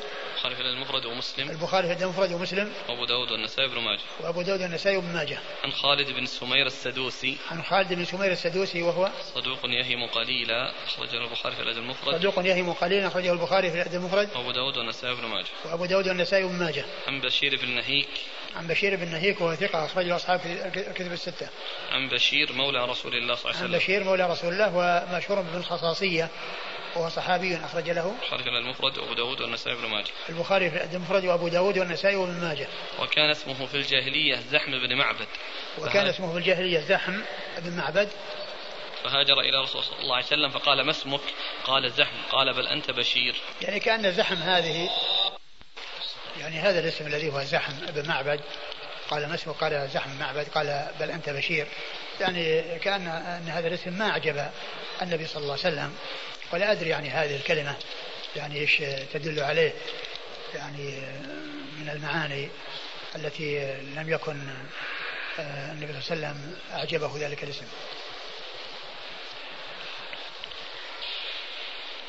قال حدثنا محمد بن سليمان الأنباري قال حدثنا عبد الوهاب يعني ابن عطاء عن سعيد عن قتادة عن أنس رضي الله عنه عن النبي صلى الله عليه وآله وسلم أنه قال إن العبد إذا وضع في قبره وتولى عنه أصحابه إنه ليسمع قرع نعالهم. ثم رد أبو داود حديث أنس. أنس رضي الله عنه أنه قال أن أن إن العبد إذا وضع أن العبد إذا وضع في قبره وتولى عنه. أصحابه أنه يسمع قرع نعالهم هذا فيه دلالة يعني على أنه يمشى يعني بالنعل في المقبرة. وقد مر حديث صاحب السبتيتين أنه لا يمشى ولكن يجمع يمكن أن يجمع بينهما على اعتبار أن, أن ليس يلزم أن يكون المشي بين القبور وإنما يكون المقبرة إذا كان يعني فيها فضاء والناس يمشون يعني في الفضاء حتى يصل إلى القبور. فتكون عليهم نعالهم. وينصرفون وعليهم نعالهم يأتون وعليهم نعالهم وينصرفون وعليهم نعالهم وإنما المحذور إذا مشوا بين القبور. فإذا كانت المقبرة يعني آه، الناس يدفنون يعني في آه، يعني يبدأون من آخرها ثم القبور تأتي حتى يصلوا إلى الباب هذه المنطقة التي يمشون فيها هي ليس فيها قبور. يعني معناها أنهم يمشون في أرض لا قبور فيها وإن كانت في داخل المقبرة فيكون هذا يحمل على على هذا المعنى. ولا يلزم أن يكون المشي بين القبور. وبهذا يجمع بين هذا الحديث والحديث الذي تقدم. لأن المشي لم يكن بين القبور لأن النهي ورد عن المشي بين القبور. وهذا مشي يحمل على أنه ليس بين القبور. يعني في أماكن خالية لا قبور فيها والقبور يعني تأتي شيئا فشيئا حتى تمتلئ المقبرة. فيكون ال...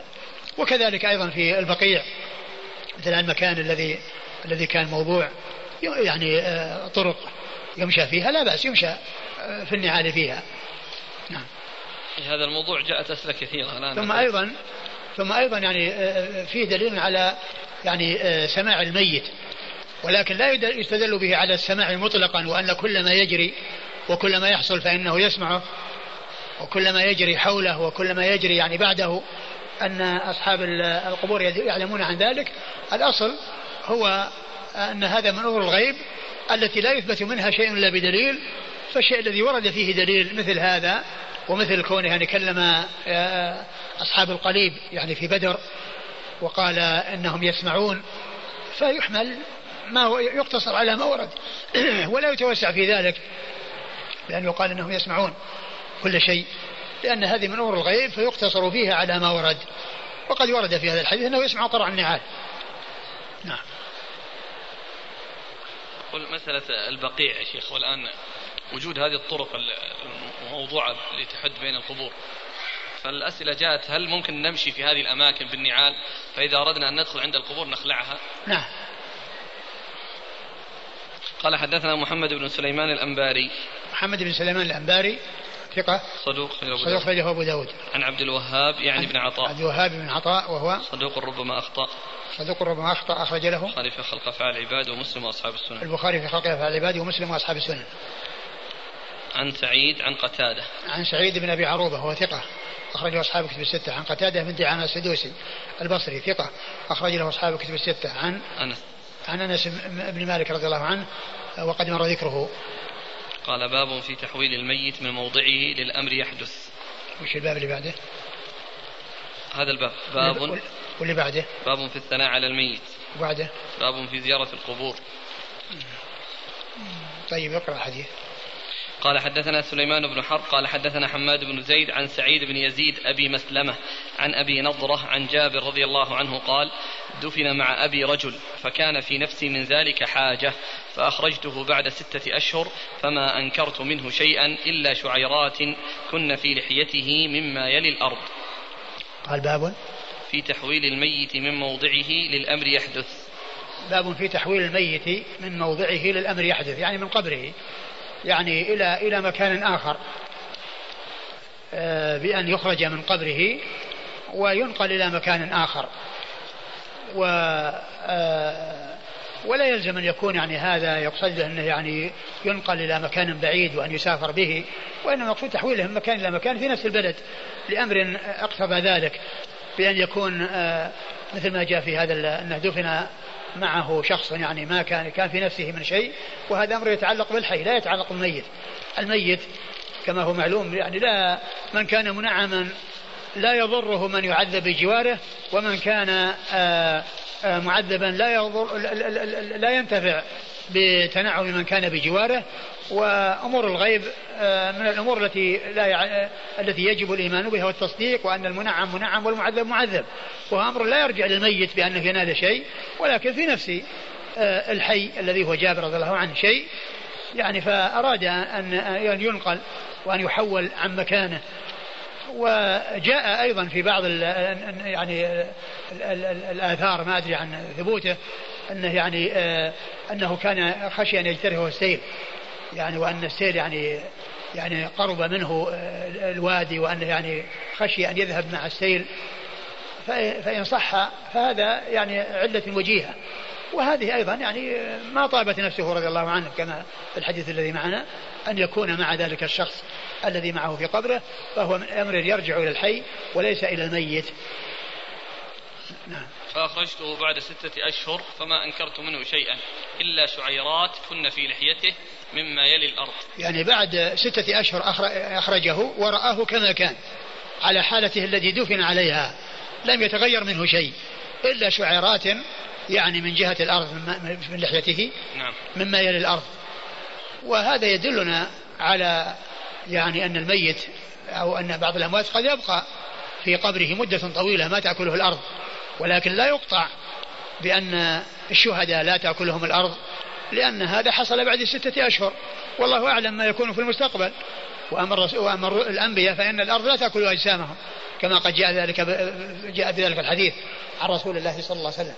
وأما آه، الوقائع التي تحصل مثل هذه الواقعة فلا يستدل بها على أن من كان كذلك أنه لا تأكله الأرض. لأن هذه فترة معينة والله أعلم بما يجري بعد هذه الفترة وبعد ذلك مع تقادم الزمان. نعم. قال حدثنا سليمان بن حرب سليمان بن حرب ثقة أخرج له أصحاب كتب الستة. عن حماد بن زيد. عن حماد بن زيد ثقة أخرج له أصحاب كتب الستة. عن سعيد بن يزيد. عن سعيد بن يزيد وهو ثقة أخرج أصحاب الكتب. ثقة أخرج له أصحاب الكتب الستة. عن أبي نضرة. عن أبي نضرة وهو مالك المنذر بن مالك بن قطعة وهو ثقة أخرج له. البخاري تعليقا ومسلم وأصحاب البخاري تعليقا ومسلم وأصحاب السنن. عن جابر. عن جابر رضي الله عنه وقد مر ذكره. الباب الذي بعده. باب في الثناء على الميت. نعم. أظن يمدينا. قال حدثنا نعم. حفص بن عمر. هذه نجازف مجازفة. والله تعالى أعلم وصلى الله وسلم وبارك على عبده ورسوله نبينا محمد وعلى آله وأصحابه أجمعين. جزاكم الله خيرا وبارك الله فيكم ونفعنا الله بما قلت. نأخذ بعلوم.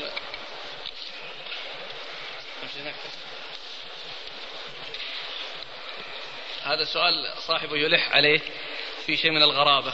رجل ساكن في بيت شعبي وينام ثم يستيقظ وإذا بداب ينام معه دائما بجواره. انتقل من هذا البيت إلى بيت جديد. فنام وجاءه الداب معه. فماذا يعمل؟ آه آه إذا كان الواقع يعني كما يقول صحيح فإن عليه أن يحذره وينذره ويعني إذا لم يذهب عنه بعد ثلاث فإنه يقتله. كما جاء بذلك الحديث عن رسول الله صلى الله عليه وسلم. جزاكم الله خيرا وبارك الله فيكم ونفعنا الله. بسم الله الرحمن الرحيم. الحمد لله رب العالمين. الرحمن الرحيم. مالك يوم الدين. والصلاة والسلام على عبد الله ورسوله نبينا محمد وعلى آله وصحبه أجمعين. أما بعد قال الإمام أبو داود السجستاني يرحمه الله تعالى باب في الثناء على الميت. قال حدثنا حفص بن عمر قال حدثنا شعبة عن إبراهيم بن عامر عن عامر بن سعد عن أبي هريرة رضي الله عنه أنه قال مروا على رسول الله صلى الله عليه وآله وسلم بجنازة فأثنوا عليها خيرا فقال وجبت.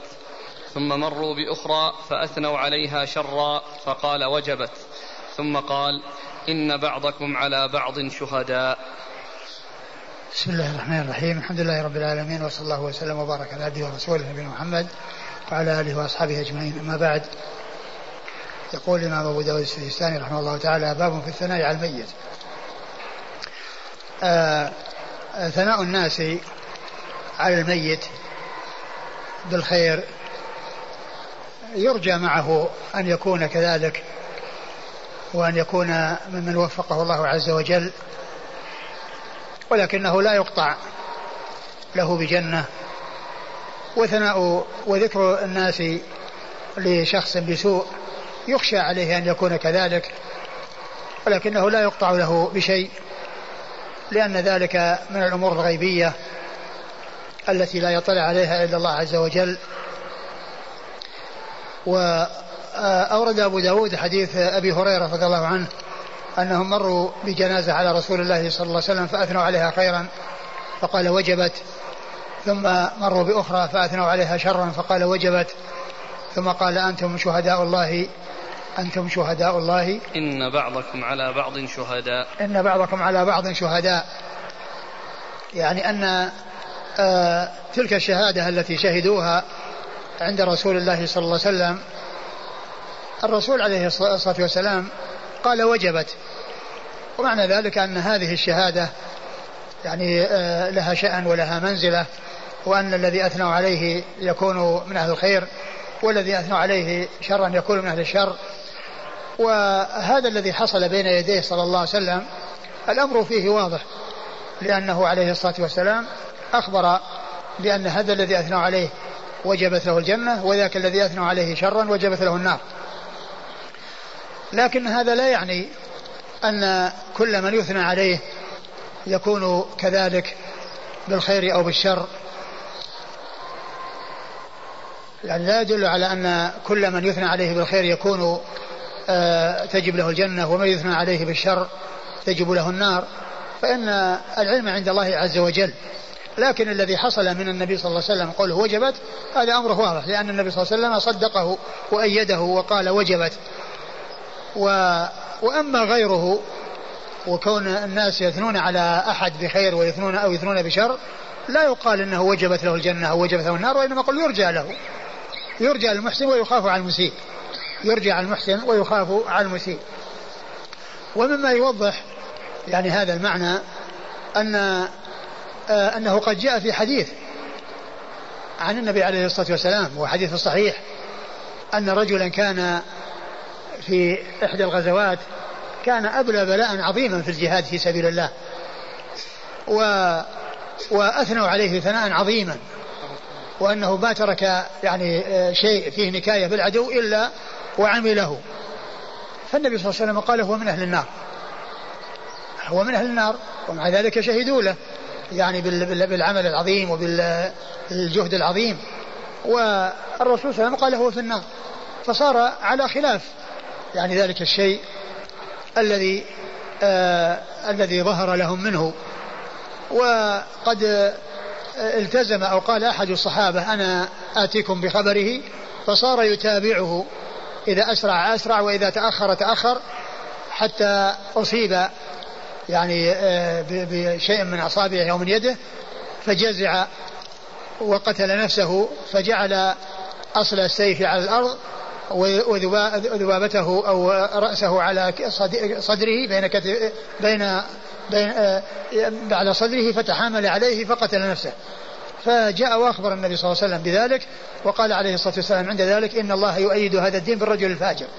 إن الله يؤيد هذا الدين بالرجل الفاجر. اذا هذا الذي حصل منه ثناء يعني أو منهم ثناء عليه والرسول قال وجبت هذا لا شك وجبت له بقول النبي صلى الله عليه وسلم وجبت. ولكن آه، غيره ممن يحصل ثناء عليه سواء كان في زمن الصحابة أو بعد زمن الصحابة لا يقطع له بجنة ولا نار ولكنه يرجى المحسن ويخاف على المسيء. ومما يوضح هذا المعنى أيضا أنه جاء في بعض الروايات أن النبي عليه الصلاة والسلام قال توشكون أن تعلموا أهل الجنة من أهل النار. قالوا بما ذلك يا رسول الله؟ قال بالثناء الحسن والثناء السيء. توشكون ومعنى توشكون يعني تقربون يعني ما هو شيء محقق. وإنما يعني شيء مقارب. يعني معناه أنه لا يجزم لا يجزم به. لأن قول توشكون أن تعلموا يعني يدل على أن المسألة ما فيها جزم. وعلى هذا فإن من أثني عليه خيرا يرجى له الخير ويرجى له الثواب العظيم من الله. ومن أثنى عليه شرا يخشى عليه. والعلم بالحقائق إنما هو عند الله سبحانه وتعالى. نعم. قال حدثنا حفص بن عمر حفص بن عمر ثقة أخرج حديثه البخاري وأبو داود والنسائي. عن شعبة. عن شعبة بن الحجاج الواسطي ثم البصري وهو ثقة أخرج له أصحاب كتب الستة. عن إبراهيم بن عامر. عن إبراهيم بن عامر وهو ثقة أخرجه أبو داود النسائي وهو ثقة أخرجه أبو داود النسائي عن عامر بن سعد. عن عامر بن سعد وهو ثقة أخرج له أصحاب كتب الستة. هذا المقبول أخرجه مسلم مقبول؟ ما هو عامر بن سعد عامر بن سعد بن؟ البجلي البجلي مش عامر بن سعد بن وقاص. لا. آه عامر بن سعد البجلي وهو مقبول أخرج له؟ مسلم وأبو داود. مسلم وأبو داود. والترمذي والنسائي. والترمذي والنسائي. عن أبي هريرة. عن أبي هريرة عبد الرحمن بن صخر الدوسي صاحب رسول الله صلى الله عليه وسلم وهو أكثر الصحابة حديثا على الإطلاق رضي الله عنه وأرضاه. يقول الأخ جرت العادة في بلادنا أنه إذا فرغوا من صلاة الجنازة قال الإمام ما قولكم في هذا الميت؟ فقالوا خيرا هل هذا يدخل في الثناء على الميت؟ لا هذا غلط. هذا الكلام هذا ما يعني لا يصلح أن يقال لأن هذا يعني أولا كونه يعني ليس له أساس في الدين يعني كونه ما قولكم يعني يسألون. ما ما في شيء يدل على هذا أنه عندما يصلى على ميت يسأل الناس إيش تقولون فيه. ثم الأمر الثاني آه كونهم يعني قد يتكلمون آه أو يتكلم متكلم في من هو على خير بخلاف ذلك وقد يكون كذلك بالعكس. فمثل هذا لا يصلح ولا يليق أن يكون. نعم. قال رحمه الله تعالى باب في زيارة القبور. قال حدثنا محمد بن سليمان الأنباري قال حدثنا محمد بن عبيد عن يزيد بن كيسان عن أبي حازم عن أبي هريرة رضي الله عنه أنه قال أتى رسول الله صلى الله عليه وآله وسلم قبر أمه فبكى وأبكى من حوله. فقال رسول الله صلى الله عليه وآله وسلم استأذنت ربي تعالى على أن أستغفر لها فلم يؤذن لي. فاستأذنت أن أزور قبرها فأذن لي. فزوروا القبور فإنها تذكر بالموت.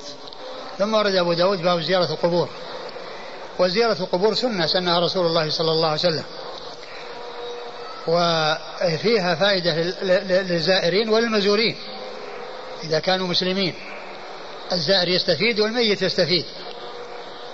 الزائر يستفيد أنه يتذكر الموت فيستعد له بالأعمال الصالحة ويستفيد أنه يفعل أنه كأنه يكون قد فعل سنة سنها رسول الله صلى الله عليه وسلم وهي زيارة القبور فيؤجر على فعل السنة.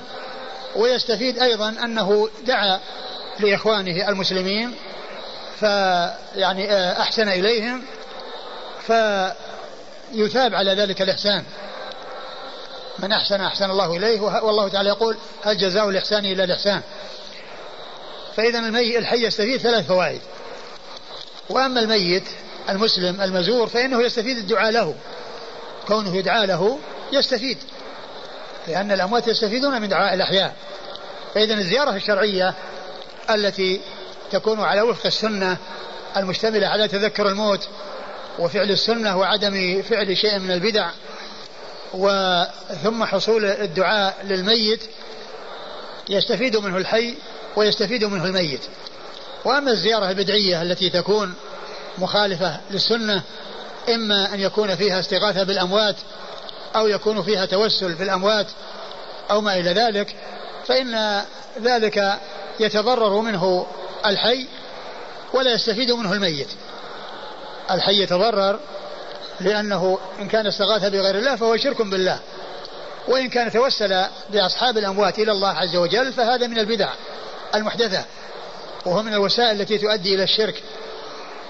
فيكون المي... الزائر تضرر وما استفاد. والمزور الذي استغيث به وطلب منه ما استفاد شيئا لأنه طلب منه شيئا لا يقدر عليه. طلب منه ليس أمور الأمور لا, تطلب منه. وعلى هذا فالزيارة الشرعية يستفيد منها الحي والميت والزيارة البدعية يتضرر فيها الحي ولا يستفيد الميت شيئا. وأما زيارة المسلم لقبر الكافر فإن فيها فائدة للحي وهي تذكر الموت. تذكر الموت والميت لا يستفيد شيئا لأنه لا يجوز الدعاء له الكافر. لا يجوز الدعاء له فلا يستفيد شيئا. والرسول وأورد قد, قد أورد أبو داود حديث أبي هريرة رضي الله عنه أن النبي صلى الله عليه وسلم زار قبر أمه فبكى وأبكى من حوله لأنه بكى على يعني قيل أنه على ما فاتها وعلى ما سبقهم من الخير الكثير الذي ذهبوا قبل أن يأتي وكانوا على على آه، عبادة الأوثان وعلى عبادة الأصنام. فبكى وأبكى عليه الصلاة والسلام. وقال إنه استأذن ربه أن يستغفر لها فلم يأذن له لأن الكافر لا يؤذن له. قد قال الله عز وجل ما كان للنبي والذين آمنوا ويستغفرون المشركين ولو كانوا أولي القربى. و واستأذن أن يزورها فأذن له. فقال صلى الله عليه وسلم فزوروا القبور فإنها تذكر الآخرة. وإذا فزيارة قبر الكافر سائغة ولكنها إنما هي من أجل تذكر الموت. لا للدعاء للميت فإن الميت لا يدعى له وقد مات على الكفر ولا ينفعه آه، آه، الدعاء له لأن الله تعالى نهى عن ذلك وأخبر عن ذلك أنه لا يسوغ. والنبي صلى الله عليه وسلم استأذن آه، أن أن يدعو لأمه أو يستغفر لأمه فلم يؤذن له. صلوات الله وسلامه وبركاته عليه. وهذا يدلنا على أن أم الرسول صلى الله عليه وسلم ماتت كافرة وأنها من أهل النار وأن الله عز وجل آه، يعني بين في كتابه أن النبي أنه آه، وكذلك المؤمن لا يستغفرون للمشركين ولو كانوا أولي قربى. ما كان للنبي والذين آمنوا يستغفرون المشركين ولو كانوا أولي قربى. بعد ما تبين لهم أنهم أصحاب الجحيم. وقد جاء وهذا الحديث الذي الذي أروى